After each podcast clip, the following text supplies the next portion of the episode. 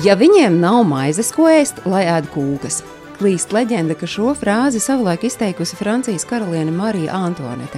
Tomēr tā laikam paliks tikai leģenda, jo nesot atrodamas patiesas liecības, ka Francijas karaliene jau kad būtu ko tam līdzīgu teikusi. Toties ir skaidri zināms, ka Marija Antoanete bija dumpīga savā raksturā un bija arī viena no ietekmīgākajām 18. gadsimta modes noteicējām ne tikai Francijas galmā, bet arī citvietā Eiropā. Viņa franču galma stagnējošās etiķetes garlaikota un nepietiekamas vīra Francijas karaļa Luija 16. uzmanības apveltīta, dievinājusi modi, izklaides, jautrības un dējas.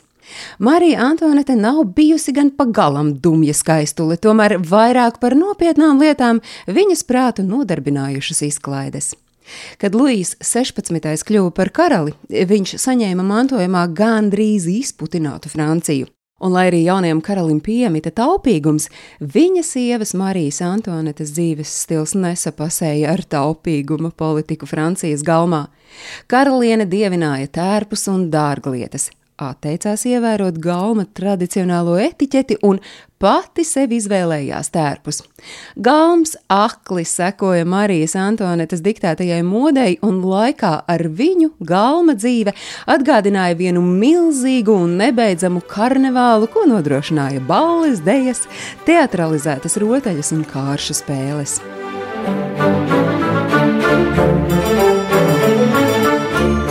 Marijas Antonetes dzīves stilu nemainīja arī bērnu piedzimšana. Tieši pretēji, troņmantinieka nosmērēto autiņu dzeltenbrūnā krāsā pasniedza kā dofina pārsteigumu, tādējādi iegūstot ārprātīgu popularitāti aristokrātijas vidū.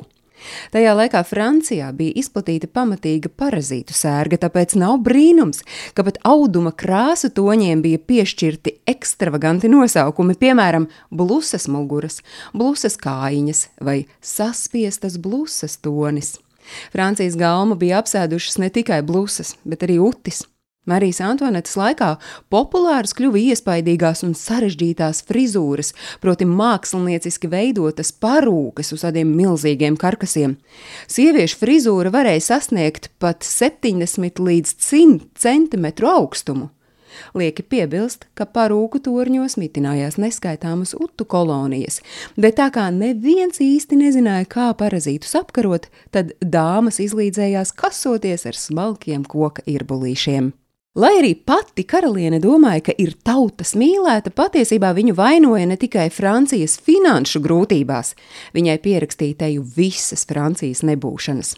Kļūstot vecākai, karaliene gan mazināja savu ekstravaganci, izvēloties pieticīgākus tērpus, taču tas nemainīja sabiedrības viedokli par karalienes izšķērdīgo dzīvi. Un zināmā mērā izšķērdība bija arī viens no faktoriem, kas ietekmēja Marijas Antoanetes dzīves noslēgumu. Kad viņu atzina par vainīgu valsts nodevībā, bet arī vainoja valsts kases izzakšanā, piespriežot nāves sodu.